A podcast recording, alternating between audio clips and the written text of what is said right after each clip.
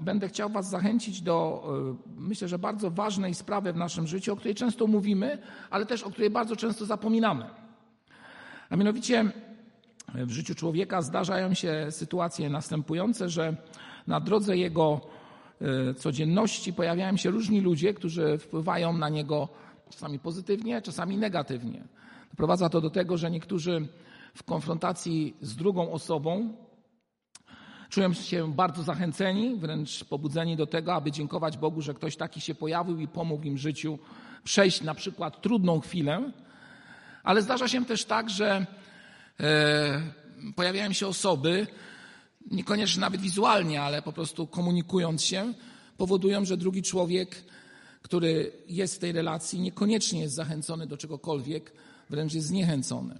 A najgorszą rzeczą jest to, gdy y, na przykład widzimy możliwość następującą, że y, pośród nas są osoby, które ewidentnie są naszymi nieprzyjaciółmi i to powoduje, że nawet ich uśmiech niekoniecznie sprzyja temu, aby ręka się bardzo serdecznie do nich wyciągała. I powiem w ten sposób, że y, nasz kraj, a szczególnie sytuacja w naszym kraju, no chyba jest, że tak określę to, kompatybilna z takim zachowaniem. A więc ludzie różne rzeczy na drugich mówią, różnie do tych ludzi się, że tak powiem, odnoszą, tworząc w ten sposób bariery nieprzyjaźni i różnego rodzaju inne sprawy, które doprowadzają do tego, że zamiast normalnej relacji budzi się nienawiść, budzi się nieprzyjaźń, budzi się w sercach człowieka niechęć. I to powoduje, że człowiek jest rozdrażniony, a przy okazji ludzie, którzy na to patrzą, tak samo są w takim stanie.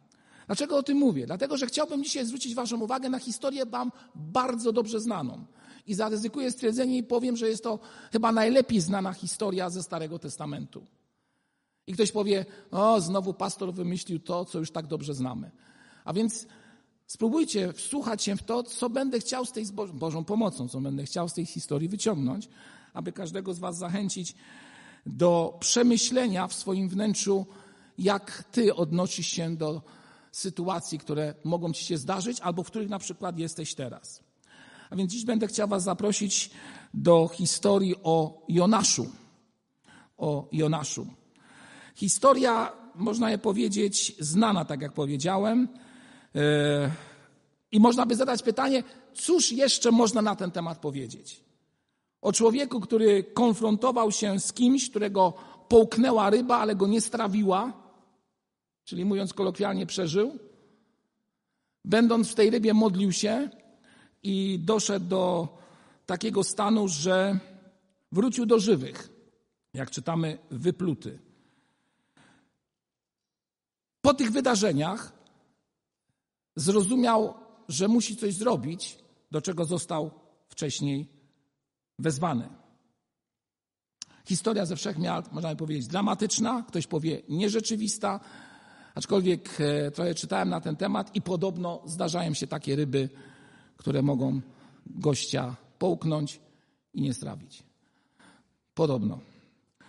Więc e, u Boga wszystko jest możliwe, w związku z tym nie będę tego kwestionował. Ale chciałbym zwrócić Waszą uwagę na coś, e, co jest tematem naszego dzisiejszego rozważania, a mianowicie kwestia związana z nieprzyjaciółmi i relacją z nimi. Dokąd miał udać się Jonasz? Myślę, że każdy z Was odpowie, że miał udać się do. Bardzo dobrze. Miał udać się do Niniwy, do miasta, które było stolicą ówczesnego lokalnego mocarstwa, jakim była Asyria, które dominowało na obszarze dzisiejszego Iraku, Iranu, części Palestyny, a nawet miała aspiracje, jeśli chodzi o kwestię Egiptu. A więc Niniwa, stolica Asyrii, miasto znienawidzone przez Żydów, zarówno z Królestwa Północnego, jak i z Judy. W tym czasie już jest ten podział, który dokonał się e, po śmierci Salomona. A więc miasto i ten obszar, który został przez nich zajęty oraz ludzie tam będący, generalnie jeśli chodzi o myślenie Izraelitów o nich, tak ogólnie powiem, byli to ludzie, którzy niekoniecznie byli darzeni przez Izraelitów sympatią. Myślę raczej, że była to, było to miejsce, do którego żaden Żyd nie zamierzał się udać. A więc bym powiedział tak, dla Żydów Niniwa i cały ten obszar Asyrii to było wcielenie zła. Jakbym to określił, synteza upokorzeń. Tak? Oni zostali upokorzeni przez to wszystko, co czynili. To zostało tak zebrane i po prostu patrząc na nich, aż mi się chce powiedzieć, że niektórzy Polacy mają bardzo dokładnie podobne myślenia o pewnych krajach i chyba nie muszę wskazywać kierunku. Synteza zła. Zawsze coś z tamtej strony do nas przychodziło. I dokładnie tak samo było, jeśli chodzi o Żydów.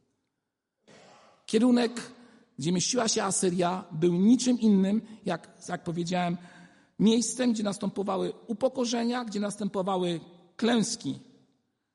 To swego rodzaju synonim prześladowania. No po inaczej tego chyba nazwać nie idzie. Wszystko, co złe, wrogość płynęła właśnie z tamtej strony. Gdyż siła Izraela została mocno ograniczona właśnie przez tych ludzi.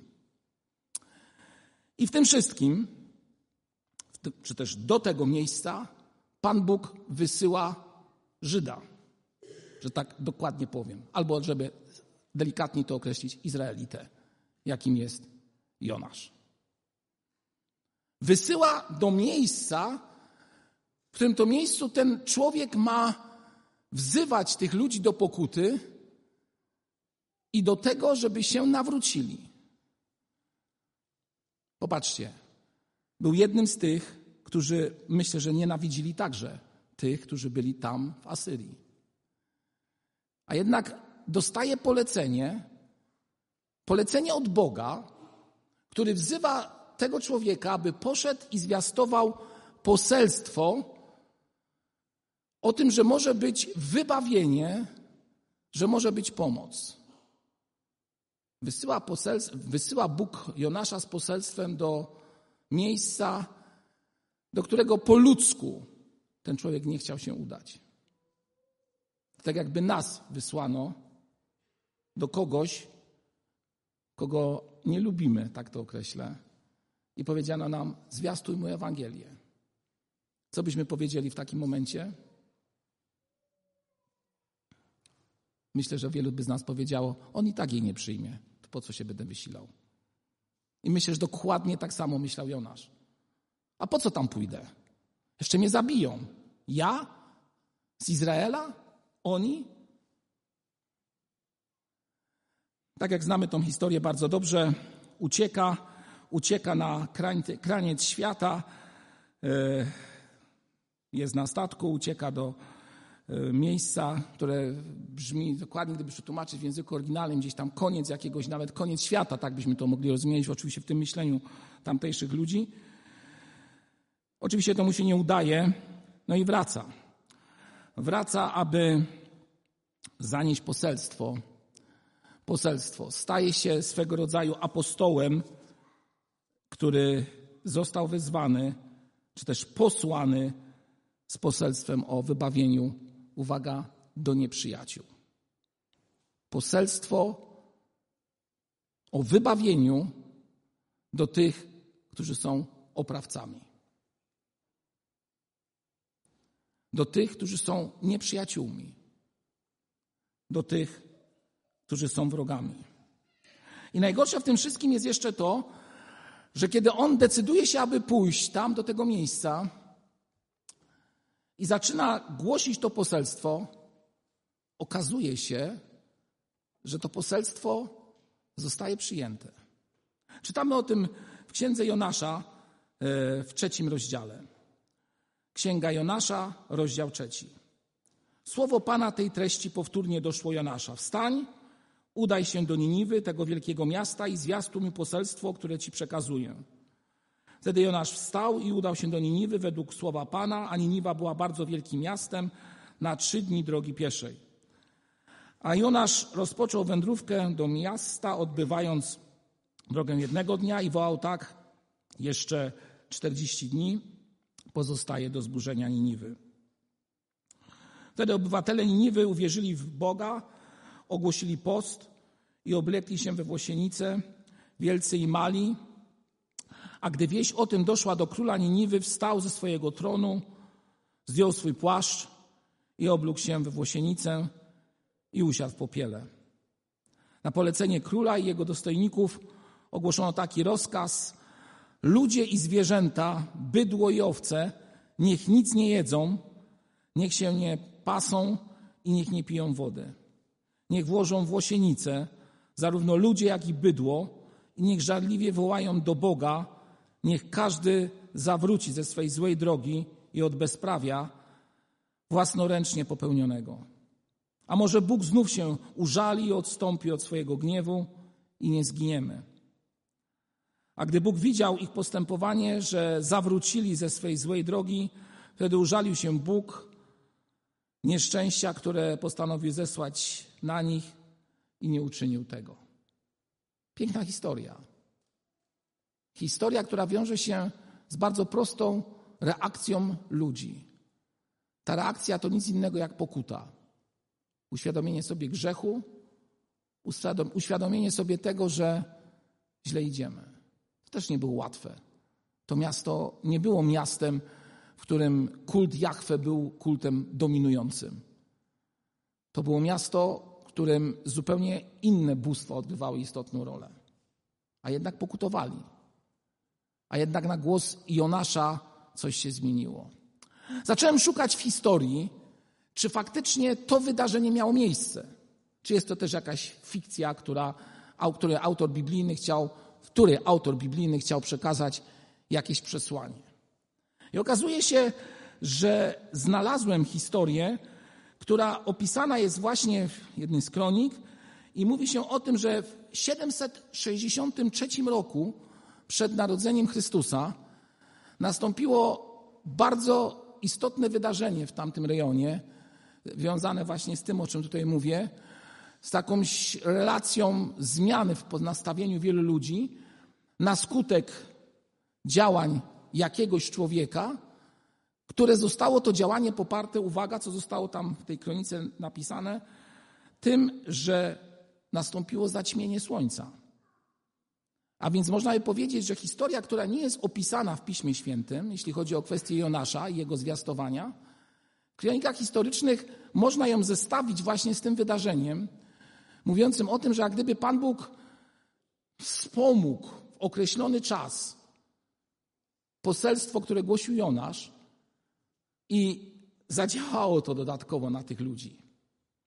Bardzo mocno. Myślę, że gdy czytacie albo czytaliście książkę Faraon, też możecie zaobserwować, że takie zjawiska na ówczesnych ludzi bardzo mocno oddziaływały. Pan Bóg używa różnych spraw, aby doprowadzić do tego, żeby inni zmienili swój sposób myślenia i zaczęli pokutować. A więc do czego został wezwany Jonasz? Powróćmy jeszcze raz do tego wątku, o którym mówiliśmy wcześniej. Myślę, że przede wszystkim został wezwany do czynnej realizacji planu Bożego, posłuszeństwa Bogu, wezwania do tego, aby ocalić lud od zagłady.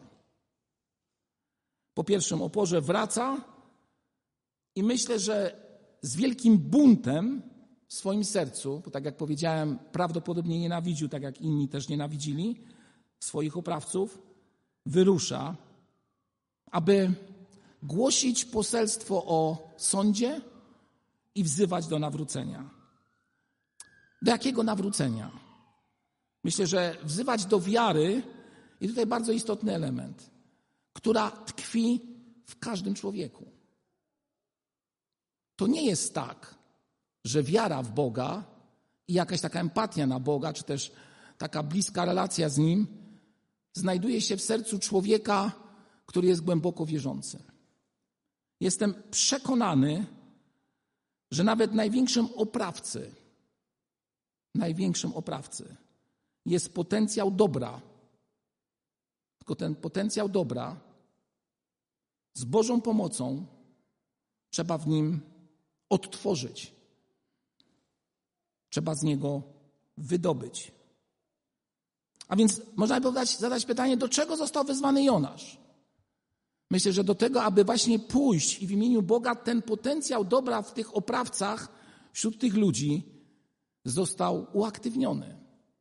Aby na nowo zaczęli myśleć nie tylko z roli, czy też nie tylko z pozycji osoby, która ma władzę i siłę, także i militarną, i może robić co chce, niszcząc drugiego człowieka i manifestując pogardę dla drugiego człowieka, albo manifestując swoją pychę, że de facto ja jestem najsilniejszy. A więc wiara zostaje wezwana, aby wydobyć z nich z pomocą Bożą potencjał dobra. Idzie i głosi poselstwo. Poselstwo o prawdzie. Poselstwo o prawdzie. Moi drodzy, to jest głęboka lekcja dla wielu z nas. Bardzo prosta i powiem w ten sposób, że bardzo często zapominana z perspektywy tej księgi albo niedostrzegana z perspektywy tej księgi. Mówimy o nieposłuszeństwie Jonasza, mówimy o jego ucieczce, mówimy o buncie przeciwko Bogu, a często zapominamy, że główną myślą tej księgi, główną myślą tej księgi jest to, że Pan Bóg miłuje się, zmiłował się i lituje się, uwaga, nad każdym człowiekiem. Nad każdym człowiekiem. Nad oprawcą, nad największym grzesznikiem, nad największym odstępcą. A Jego miłość wyraża się w tym, że wysyła do tych ludzi, którzy w tym rozumieniu są źli, swoich apostołów, tych, którzy będą głosić poselstwo Ewangelii. A więc można sobie zadać pytanie, jaki jest Twój i mój stosunek do wszystkich przeciwników, który spotykasz na swojej drodze?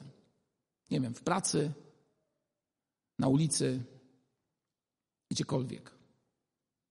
Jak reagujemy na tych, którzy na naszej drodze w jakiś sobie właściwy sposób będą nam przeszkadzać? Już wielokrotnie mówiłem o reakcjach kierowców na to, gdy ktoś im zajechał drogę. Nie będę się tym powtarzał, ale często bywa tak, że no miałem ostatnio możliwość stania e, w kolejce w ten wielki upał do kasy biletowej.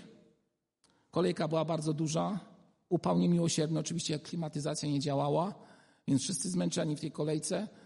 No ale w takich momentach zdarzają się osoby, które niekoniecznie są zainteresowane tym, aby w tej kolejce stać, tak? I w tym całym oburzeniu wszyscy wręcz rzucili się na niego, na tego człowieka, który akurat próbował zrobić swoją własną prywatę. Jak myślicie, że ten człowiek się przejął tym? Słuchajcie, złoto usty potok słów został wyprowadzony z jego ust. Tak intensywnie, że wszyscy nawet już nie mieli siły, aby z nim dyskutować, słuchajcie. Za to miny i nienawiść tych wszystkich ludzi i bezradność, którą widziałem, była niesamowita. Często tłumimy to w sobie, denerwują nas inni ludzie, nie potrafimy przejść do porządku dziennego, gdy stają na naszej drodze. A patrząc z perspektywy Pisma Świętego, powinniśmy spróbować dążyć do tego, aby, hmm, no właśnie, jak w takim człowieku, który zastępuje ci drogę, znaleźć potencjał dobra, tak? To jest najtrudniejsze w tym wszystkim. A więc czego w relacji z tymi ludźmi, którzy są naszymi przeciwnikami, żąda Bóg od nas? Czy istnieje nadzieja zbawienia dla największych wrogów? Myślę, że jest to możliwe, ale pod jednym warunkiem. I teraz będę chciał skierować słowa do Ciebie i do mnie. A mianowicie, znowu powrócę do tej historii związanej z Jonaszem. Często mówi się, że jego pobyt w tej we wnętrzu ryby był swego rodzaju obumarciem jego pychy, jego takiego buntu przeciwko Bogu. Coś się w nim złamało, coś obumarło. Stary człowiek jak gdyby został we wnętrznościach tej ryby. Tak symbolicznie moglibyśmy powiedzieć. I myślę sobie w ten sposób, że każdy z nas uciekając przed Bogiem, który wzywa nas do określonych postaw, do określonych relacji, a myślę sobie, że każdy z nas w swoim życiu miał taką chwilę, że przed Bogiem uciekał. Niekoniecznie na koniec świata. Ale uciekał w ten sposób, że nie był posłuszny Bogu. I prywata była dominująca, a nie wola Boża. A więc chcę powiedzieć Wam i sobie, że nawet jeżeli uciekasz przed głosem Bożym, który wzywa Cię do określonych postaw, do określonych zachowań i reakcji i daje Ci czasami nieciekawe miejsce, na przykład do zwiastowania lub bycia z kimś, pamiętaj o jednej rzeczy, bardzo istotnej. Nic sam z siebie nie wykrzesasz. Nie jestem w stanie przebaczyć drugiemu człowiekowi. Sam z siebie. Nie jestem w stanie, i mówię to z pełną świadomością, miłować wroga sam z siebie. Nie jestem w stanie. Bo ludzki charakter i ludzkie ego nie pozwala na coś takiego. Za dużo dumy jest w nas. I dopiero ingerencja Boża, która doprowadza do tego, że człowiek musi obumierać, też obumiera dla swojego własnego ego, własnego ja, doprowadza do tego, że jesteś w stanie przebaczyć. Albo symbolicznie pójść do drugiego człowieka i nie tylko zdawkowo podać mu dłoń, ale nawet się z nim utożsamić, współczuć. Coś musi w nas obumrzeć, coś musi zostać stracone z naszego ego, z naszej pychy i z naszego takiej świadomości, że no, ja to jestem ja i ja to wiem najlepiej, aby móc drugiemu człowiekowi być błogosławieństwem. To oczywiście nastąpi przez modlitwę, przez pełne zawierzenie Bogu, ale przede wszystkim przez posłuszeństwo Bogu. I na koniec powiem, przez to, że będziesz obumierał dla samego siebie. Umrzesz dla samego siebie, dla swojego ja, dla swojej słusznej racji. I patrząc na tę historię, powiem tak. Nie wiem, dlaczego Pan Bóg tak zrobił, ale wiem jedno, że Pan Bóg jest Bogiem miłości. To mi wystarcza. A więc, jeżeli jest Pan Bóg Bogiem miłości, to tak chciał. Szkoda, że za 40 lat w 722 roku ci sami Asyryjczycy, którzy zostali wezwani do pokuty, i myślę, że to pokolenie pokutowało, tak jak powiedziałem, są relacje historyczne na ten temat z 763 roku. A więc za 40 lat potomkowie tych, którzy pokutowali, doprowadzili do upadku państwa izraelskiego na północy. 40 tysięcy ludzi z Izraela zostało zapędzonych w niewolę a dziesięć plemion pogańskich zostało wprowadzone do, do tej części północnej Izraela i wszystko to się zmieszało. I można by powiedzieć, że wartość duchowa, jeżeli jakakolwiek była tej północy, została praktycznie zdewaluowana całkowicie. Nie rozumiem tego. Ale też wiem jedno, że sto lat później mniej więcej 100 lat później, zarówno ci, którzy mienili się panami ówczesnego świata, zostali zepchnięci do całkowitej porażki. Chodzi o Asyryjczyków. I plemiona medoperskie w 612 roku zniszczyły całkowicie, całkowicie Asyrię. Źródła historyczne mówią, zresztą czytamy o tym także w księdze Nahuma, serdecznie Was zachęcam do przeczytania tej księgi, że wody rozlały się i zatopiły całe to miasto, które już nie pokutowało, dostało jedną szansę i prawdopodobnie o niej zapomniało. Zostało zalane, jak już mówią źródła historyczne, właśnie ci, którzy szli z e, tą ekspedycją, aby zdobyć Asyrię, miasto Niniwę, doprowadzili do tego, że źródła, że rzeka Tygres została tak odpowiednio skierowana, że to miasto się zalało. Tak jak powiedziałem, czytamy o tym w księdze Nahuma w drugim rozdziale, siódmym wierszu i dalej. A więc Boże drogi są boga, drogami, które często są dla nas niezrozumiałe. Na pewno są to drogi sprawiedliwe, I na pewno są to drogi, które wzywają Ciebie i mnie do tego, aby być posłusznym Bogu we wszystkim, aby przebaczyć wrogowi, aby znaleźć w Twoim największym oprawcy i wrogu, przeciwniku, którego może masz w pracy, który może być Twoim sąsiadem, który może być w Twojej rodzinie, aby znaleźć w nim potencjał dobra. To nastąpi, ale tylko wtedy, jeżeli Twoje i moje serce zostanie przemienione, albo inaczej, jak powiedziałem, obumrze i zostanie przez Chrystusa wypełniony zupełnie czymś innym. Nie własnym ego, ale miłością do drugiego człowieka. Z pełną świadomością mówię, jest to bardzo trudne. Dziś mamy wieczerzę pańską. Wejrzyjmy w siebie. Ilu mamy wrogów? Teraz, w tej chwili. Albo ludzi, których darzymy niechęcią w naszym sercu. Zastanówmy się nad tym.